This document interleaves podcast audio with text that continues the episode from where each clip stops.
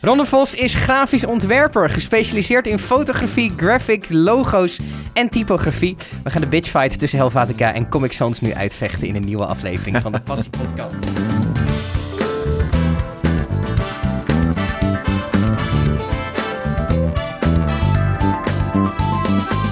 Ron, tof dat je er bent. Ja, Eh, eh, grafisch design. Die zijn er ook. Die zijn er ook, Die, ja. eh, al heel lang. Wat, eh, ja, je bent al heel lang grafisch designer. Ja, al heel lang. In de Ja. tijd dat het internet nog niet bestond, denk ik zelfs. Dat heb, je, dat heb je helemaal goed, ja. hey, eh, laten we even terug naar die tijd. Want wat was het moment dat, ehm, dat, dat jij dacht van... nou, dingen ontwerpen, dat vind ik wel heel gaaf. Nou, dat is, eh, het, het vak was voor mij zelfs heel onbekend. Uh-huh. Ik eh, vroeg me ook niet af hoe reclames werden gemaakt, hoe advertenties werden gemaakt. Eh, ik was meer aan het tekenen. Dus uit het tekenen is het, eh, is het gekomen dat ik voor de grafische opleiding heb gekozen. En toen kwam ik in één keer in aanraking met fonts en letters. Mhm. En toen eh, kreeg ik daar in één keer een passie voor, voor eh, een, gewoon een letter. Mhm. En dat is tot op heden is dat gebleven. Dus ik vind het echt, een letter is echt geweldig. Mhm. Ik kan daar echt, daar kan ik echt warm voor worden. Het was niet dat je die opleiding inging met het idee van... ik wil kunst gaan maken of... eh, Ik wil tekenen, ik wil mijn hele leven blijven tekenen, dacht Ja. ik. Ik denk, dat als dat kan, als ik van mijn hobby gewoon eh, mijn werk kan maken, dat had ik nooit gedacht. nee. Ik dacht altijd van, eh, ik wil eigenlijk, eh, wat, wat gebeurt er met me als ik van school kom? Wat ga ik doen? Ik wist het ook niet. Mhm. En eh, er kwam, het kwam ook niet bij me op dat ik geld kon verdienen met, met tekenen. Met creatief zijn. Met creatief zijn. ja. En eh, daar ben ik zo eh, in mijn MAVO-tijd, zo heette dat, dat was toen de MAVO. Daar ben ik toen in één keer achter gekomen. En via vrienden die een vader hadden die het werk deed. En toen dacht ik van wauw. Dat was een inspiratie. Dat, was een inspiratie, ja. En wat deed diegene dan precies? Die had een reclamebureau Ah, in. Rotterdam. Ja. En dat was toen heel erg print georiënteerd, denk ik, hè? Alles was print. Ja. Ja, ja, of je had de echte grote bureaus, maar die zaten dan meer in deze regio hier in Amsterdam. En eh, dat waren de, de, de grote bureaus en die deden tv-commercials. En zover gingen mijn gedachten nog niet eens om daarmee eh, in aanraking te komen. Nee, ik, eh, ik ben in de print gegaan en dat was wat je, wat je zei. Er bestonden nog geen, eh, geen computers. Ja, ik had Basic had ik op school. Maar ja, om een half uur eh, te programmeren om 1 plus 1 uit te rekenen. Ja, ik denk ja, wat, ik, ik zag het nut niet daarvan in. Mhm. Toen nog niet. Mhm. En het was eh, allemaal handwerk. Dus je moest je teksten voor je advertenties moest je uitrekenen. Mhm. Lettergrootte en regelafstand en spatiëring tussen de letters. Die moest je allemaal, eh, dat moest je zelf gaan zien. En was dat dan ook destijds heel erg gebaseerd op handschrift? Omdat je natuurlijk nog geen computers had. Nee, je had, ehm, dat waren andere bedrijven, je had zetterijen. En wat die deden, die, jij leverde dus jouw eh bodytekst in, jouw tekst voor, laten we zeggen, een advertentie. En die faxte je door naar eh, de zetterij. En daar zette je bij, ik wil dit, deze tekst hebben in een, een eh alinea breedte van, een kolombreedte van 50, cent, 50 millimeter en een hoogte van 70. En dan had ik zelf uitgerekend, daar was een methode voor, hoeveel letters dat je daarin kwijt kon. Mhm. En eh, dat werd door die zetterij, precies op die maat, werd dat eh, uitgetikt. En fotografisch kreeg je dat op een mooi velletje papier. Kreeg je twee velletjes. Eentje kon je gelijk inplakken. Had je correcties, want ze konden, hun konden ook wel eens een foutje maken. Had je correcties, had je een, een eh, chirurgisch scalpeltje, scalpeltje. En daar snee je netjes een lettertje uit. Dat was echt en met een pincetje. En dan plakte je dat ertussen. En dat ging, plakte je allemaal op een groot karton. Ja. De, de lijnen van de advertentie werden uitgezet. Eh, grote koppen, grote tekstkoppen, die werden afgevreven met wrijfletters. En die liet je dan in je doka, die elke reclamestudio, reclamebureau had, liet je dat vergroten of verkleinen. Precies op maat. En dan had je een, een, eigenlijk een puzzelstuk, een layout, had je op karton. En dan deed je dan een transparant vel overheen. Gaf je kleuren aan, percentages. En dat ging naar de drukker en die ging daar dan zijn lito's eh, van maken. Klinkt heel ambachtelijk bijna. Dat was het ook. Kijk je Dat- daar met nostalgie naar terug? Of? Ja, heel erg. ik vind het ook. Ik vond het ook ehm, toen ik ehm, al een aantal jaar aan het werk was en eenmaal in aanraking gekomen was met eh, computers, met de Mac. En we kregen stagiaires. eh, die hadden echt die hadden dat inzicht niet meer in die, in die eh, woordafstand Mhm. en die, die eh, letterafstand. Om ietsje dichter een O bij een, een rechte letter te doen. En een stukje erboven en onderuit. Dat zagen ze niet meer, want hun tikte gewoon de tekst in. En dan werd het gewoon, ja, hier, kijk, dit is mijn advertentie. Ik zeg, ja, hey, sorry, maar het, het, dit is niet oké. Ja, maar wat is niet oké? Dat woord is toch goed? Ja, maar ik zeg, kijk die afstand tussen die letters. Die, die is daar te veel en daar te weinig. Het klopt niet. En wat zeiden ze dan tegen jou? Ja, ze zegt, maar dat staat toch in die computer? Ja, ik zeg, maar je moet het ook zien. Je Mhm. moet het, ik zeg, en dat is ons, dat is voor, voordeel wat wij hebben, hoe wij het hebben geleerd, door hoe letters op elkaar reageren.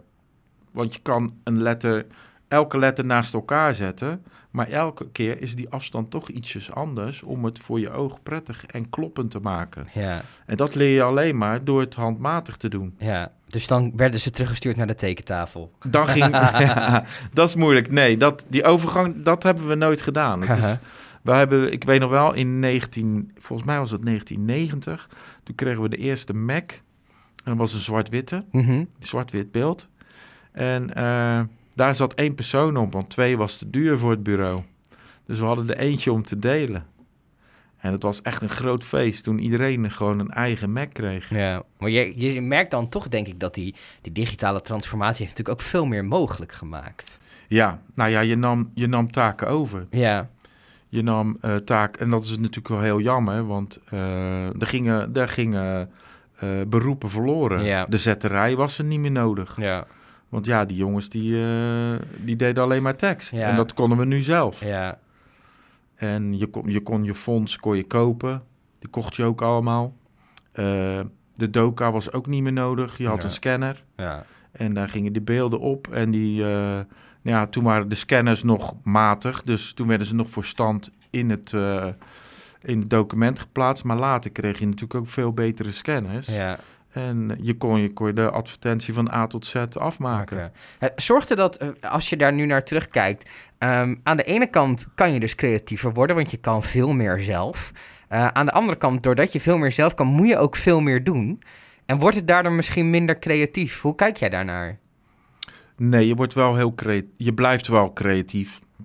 Het is meer dat, eh, dat het hele bureau in gaat zien eh, welk, welke taken dat je allemaal eigenlijk erbij krijgt. Mhm. Want in het begin dachten we allemaal van, na de opkomst van de computers, nu eh, kan het allemaal veel sneller. Ja, Maar je neemt taken over van andere beroepen, Mhm. dus die kwamen bij jou erbij. ja, Dus die tijdwinst, die was er niet. nee, Het wordt alleen je product wordt wel veel beter, ja, doordat je er meer controle op, zelf controle op hebt. ja, En eh, als je dat naar een ander moest doen, dan moest je weer gaan bellen. Ik wil toch, die kleuren zijn niet goed. En dan was je Dat daar weer dingen meer. afhankelijk van. daar was je daar meer Ja. afhankelijk van. Dus het werd, het werd voor ons veel leuker. Mhm. Er kwam ook wel meer druk. En ehm, later kwam ook zelfs het Photoshop-verhaal er nog bij. Mhm. Je had vroeger echt nog jongens die, eh, eh, die werkten op een paintbox. Mhm. En die zaten in een, in een kamer zoals dit, pikken donker. Mhm. En die hadden daar een heel groot scherm staan. En hier hadden ze een hele tablet met allemaal tools om foto's te retouchen. Mhm. Om te retoucheren. Maar die, dat waren bij ons waren dat, eh, dat waren toen de specialisten van wauw, als ik hier mag zitten, weet je wel. Die. Op het bureau één man op de paintbox.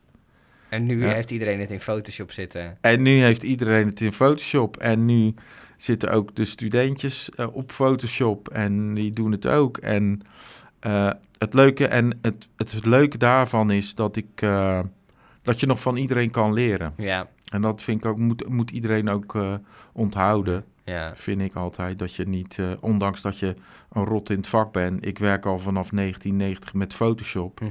Maar ja, er is een, een WizKid kan mij ook nog wat leren. Ja, want, Want- die komt er van een andere invalshoek of zo. Die, in. ja, die komt uit... Nou ja, het is al... Je kan zeggen van, ik werk met Photoshop 1.1. Mhm, Daar ben ik mee begonnen. mhm. En daar maak ik mijn maskers in. En ik doe bepaalde handelingen daarin. En, om, en die tools, die zijn natuurlijk allemaal beter geworden. Ja, En die filters zijn allemaal veel beter. Je hebt eh, macro's die automatisch dingen doen. Terwijl ik dat nog onder controle wil houden. En een beetje nog die ouderwetse manier meepak. Ja. Omdat dat voor mij fijn voelt. fijn voelt. Ja. Als je, als je gaat kijken, want we begonnen natuurlijk bij, bij de typografie en de letter. eh, en we hebben nu Photoshop er al bij gepakt. En eh, eigenlijk, als je dan, dat dan zo vertelt, dan is jouw beroep dus... Jij bent veel meer zelf gaan doen. Eh, want in het begin was het dan vooral die letter. En Ja. op een gegeven moment ben je ook met Photoshop bezig. Ben je, je bent als, als grafisch designer natuurlijk ook nog een halve psycholoog, als ik het goed zeg. Zo. Of, of is dat een hele extreme... Ja, dat is wel een hele extreme. Maar snap je Ja? wat ik bedoel Ja? daarmee? Nee, dat, nou, leg eens even uit. Nee, nee, geen vragen terugstellen. Daar is deze podcast niet voor bedoeld. Nee, maar het idee is toch, ehm, je maakt een reclame. Ja. Ehm, dus je, je wil als bedrijf zijnde, heb je een bepaald doel. Namelijk, je wil meer klanten, meer omzet, eh, Tuurlijk, iets andere aandacht brengen. Eh, het is ook onderdeel van jouw vak, van hoe zet ik dat in? Ja, oké. Ja, dan ben ik dus ook... eh, ik ben dan ook... eh, ik ben niet alleen de vormgever, maar Mhm. dan ben ik ook concept bedenken. Nou, wat ik me kan voorstellen is, er is natuurlijk veel meer bij dat beroep gekomen. Wat je net zegt, vroeger was eigenlijk voor elke stap in het ontwikkelen van zo'n reclame was Ja. een specialist. En volgens mij is het nu heel erg zo dat gewoon één iemand verantwoordelijk is voor een hele advertentie. Kan, dat, kan, dat kan als je bijvoorbeeld als je voor jezelf werkt, je bent freelancer en eh, je bent een eenmansbedrijf. Dan ben je dat dus ook. Eh, dan zou je puur de briefing krijgen van je klant en dan ga je samen met hem het hele concept verder uitwerken. Ja. Eh, maar dat zou je, kun, dat zou je Hoe kunnen zit dat zeggen. voor jou? Voor mij, voor mij eh, nou, het is eigenlijk hetzelfde. Ik ga met, met degene vooral veel praten. Dat is, dat is mijn beste briefing. Kijken wie heb ik voor me en eh, wat wil die persoon en wat kunnen we, wat kunnen we samen. Want ik, het blijft altijd een project wat je samen doet. Of iemand moet zich helemaal overgeven aan mij, nul verstand hebben van zijn vormgeving. Of zeggen van ik moet een advertentie hebben. Eh, het, ik moet gewoon, dit moet gewoon beter Ja. dan eh, laat hij het volledig aan mij over. En, eh, maar als hij toch wel een beetje weet wat hij wil, dan gaan we daar samen uitkomen. En dat is ook wel het leukste. Ja. Ik vind het ook wel leuk. En ik zeg ook altijd aan het einde van, eh, als, die, als de klant zegt van, nou, dat heb je mooi gedaan. Ik zeg, Ja. nou, ik zeg, dat hebben we toch wel een beetje samen, gedaan. Ja, dat vindt de klant natuurlijk ook leuk. Dat is ook Samen voor die daar- klant ja. leuk. En dat is, niet, dat is geen, geen trucje om... Nee, nee, nee. nee. Maar dat is echt zo. ja. Dat is, en zo moet je het ook doen, want het is zijn product en je, ja, hij geeft een briefing en je, je komt toch samen tot een bepaalde band. Ja. Dat- en dat is het leuke van het vak, vind Ja. ik. Is het ehm, wat je, wat ik, ik heb een, een hypothese, een idee en ik leg hem bij je neer en dan moet je kijken wat, wat jouw visie daarop is. Ik heb het idee dat vroeger er eigenlijk veel meer geëxperimenteerd werd. Eh, en nu is het toch, bedrijven hebben een bedrijf, daar zit een huisstijl bij. Ja. Die wordt ooit gemaakt en dan moet alles moet binnen die huisstijl passen. Eh, hoe kijk jij daarnaar? ja, daar zit... eh nou, Snap je mijn vraag? Ja, ik snap het wel. En dat komt omdat er natuurlijk ontzettend veel is. Mhm. Dus natuurlijk, eh, er zijn natuurlijk, al, je loopt maar een winkel binnen en eh, de keuze is gewoon on- ongelooflijk groot. Dus er zijn heel veel eh, producten die gelijk zijn aan wat jij hebt. ja. Dus dan, en je hebt hem dan bijvoorbeeld, noemen wij een stramien, waar je binnen werkt. En daar blijf je ook binnen. Maar ik ben, ik, ik weet ook, en dat is ook de truc voor mij, om binnen die huisstijl toch dingen te gaan doen Mhm. te experimenteren, te creatiever te, te worden en toch aan die klant te kunnen laten zien, kijk, dit is wat je had, dit is wat je krijgt. Ah ja, maar dat is veel anders. Ik zeg, nee, dit is niet veel anders. Kijk, die elementen neem ik mee, die afstanden neem ik mee, die kleuren neem ik mee, we wijken iets af. En ze zien altijd dat het van jou is, want Ja. dat is wel belangrijk. En Ja. daar moet je zeker wel eh, rekening mee blijven houden. Dat vind ik wel... eh, Is het ook leuk dat je denkt van, oh, ik kan dit element, eh, dat stukje van die huis Ja. en dat puzzeltje. Ja, het, het, oh, ze zeggen wel eens eigenlijk van... oh, oh, iemand kan wel eens oneerbiedig zeggen... ja, wat je doet is een beetje knippen, plakken. Ik zeg, ja, dat is het wel. Maar als ik jou laat knippen en plakken... dan, Dan zie- ziet het er niet uit. dan ziet het er niet uit. ja, ja, ik heb bijvoorbeeld vrienden die hebben een, eh, een restaurant... en eh, die hadden zelf een, eh, een menukaart gemaakt. Kijk Ron, wat ik heb gemaakt. Ik zeg, nou, ik zeg, waarom heb je mij niet gebeld? Ja, ja, ja, ik, ik dacht, ik kan het ook zelf. Wat vind je ervan? Ik zeg, ja, nou ja, ik zeg, ja, eerlijk gezegd, het ziet er niet uit. En wat Nee. is het dan? Is het een zooitje? Dan is het, een- nou, dat klopt, dan, dingen kloppen niet. Wat Het- klopt er daar? Kan je daar een voorbeeld van noemen? Ik kan, eh, als ik het naar een student uit, of een, een stagiair uit moet leggen. eh, het, het, het is een soort. eh, je had vroeger die schuifpuzzeltjes. Mhm. Waar je dan een figuurtje uit moest maken. Alles stond door elkaar. Ja, En daar kwam dan bijvoorbeeld een logo. Of ik was daar uit. echt super goed in. Kijk, Ja. nou dan kan je, zou je ook goed, goed kunnen layouten. Oh, Dat is wat ik dus ook met mijn elementen doe. Ik gooi ze allemaal op mijn formaat, op mijn eh, pagina. mhm. En daar ga ik mee schuiven. ja. Maar ik hou altijd bepaalde marges vast. Dus ik heb bijvoorbeeld een, een kolom eh, afstand van 6 mm. Mhm. Dan ga ik met mijn foto's ook altijd met die, met die eh, afstanden ga ik ook werken. Of de helft, 3 mm. En dan 6 mm, 12 mm. Dat werkt, dat vind ik echt, dat kan ook wel een dingetje zijn wat ik heb. Maar voor mij werkt dat zo prettig. Mhm. En ik, mijn je ogen gaan ook dingen afmaken. Mhm. Het kan heel onrustig worden als je hele, gek, hele rare afstanden ineens gaat pakken. Het is consistent en symmetrisch, dat is Klopt, het een beetje. ja, Ja. ja. En, onze hersenen processen dat of zo. Die- Klopt. Ja, die vinden. Je kan dus ook. Iemand zegt wel eens van. eh, of iemand een, een advertentie heeft wel eens heel veel wit. Mhm. Dat, staat heel, dat kan heel eh, kunstzinnig staan. Er zijn ook mo- moderne magazines die heel veel wit gebruiken, heel veel witruimte gebruiken. Maar ga jij die ehm, analyseren, Uh-huh. dan klopt het toch wel. Dan staat niets, is niet zomaar dat ik een stukje tekst heb, een heleboel wit, en dan zet ik daar op die, die hoek van mijn pagina zet ik die foto. Mhm. En dan heb ik een artistieke pagina. Dan is daar toch nog een verschil in of daar een grafisch vormgever aan heeft gezeten, Mhm. of dat, eh, nou ja, oneerbiedig gezegd, jij daar aan gezeten Gezeten hebt, ja. ondanks dat je goed was in je schuifpuzzels. Heel goed. Eh, Snap je? Ja, ik snap wat je bedoelt. Je, je voelt dat. Het is een bepaald soort Ja. rust en een bepaald soort... Ja. Het klopt. Het klopt, ja. En dat is het leuke van eh, om te werken met die elementen, met, met tekst, eh, grote koppen, grote fonts, kleuren en, en foto's. Foto's heel belangrijk. Ja, goede foto's. Goede foto's. Wat is jouw specialisatie? Vormgeving. Uh-huh. Ik kan echt, ja, ik, ik kan van, eh, ja, van, van, van een rotzooi kan ik nog iets maken, zeg maar. Mhm. En eh, fotografie ben ik aan het ontwikkelen. Mhm. Ik, ben, ik heb wel, ben gespecialiseerd in eh, portretfotografie. Mhm. Dat vind ik zeker omdat ik mensen ook echt wel. ik, ik, zoek, ik zoek altijd naar iemand die, die ik op zijn best vast kan leggen. Mhm. En dat is wel mijn eh, specialiteit. En straatfotografie, dat, eh, dat heb ik ook heb ik heel lang, daar ben ik mee begonnen. Heb ik met mijn mobieltje ben ik eh, elke vakantie de straat op gegaan. En eh, stiekem foto's. Mhm. En leuke dingen, kleine verhaaltjes zien op straat. Iemand die met een, een grote vent die met een, groot, met een speelgoedauto loopt. Weet je wel, die heeft hij dan bijvoorbeeld net gekocht voor zijn zoontje. Maar dat verhaal daar op straat, hij alleen met zo'n rode auto. Ja, dat is voor mij gewoon een verhaaltje waar iemand, iedereen zijn eigen verhaaltje bij kan bedenken. En dat vind ik het leuke van straatfotografie. Als, je, ehm, als er mensen nu luisteren die, ehm, die grafisch designen ook heel interessant lijken... of jonge mensen die denken, nou, ik wil ermee aan de bak. Eh, eigenlijk twee vragen. Eén, heb je een bepaald soort... moet je een bepaald soort type zijn... een bepaald soort talent hebben om dat te kunnen doen? En zo, ja, wat is dat dan? En twee, waar begin je?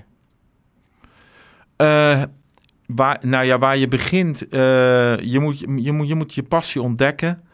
En dat is, eh, ik had het bijvoorbeeld met tijdschriften. Ik, ik kan nu ook geen magazine meer kopen. Ik lees ze bijna nooit. Mhm, Ik koop ze alleen maar op de vorm en de layout. mhm.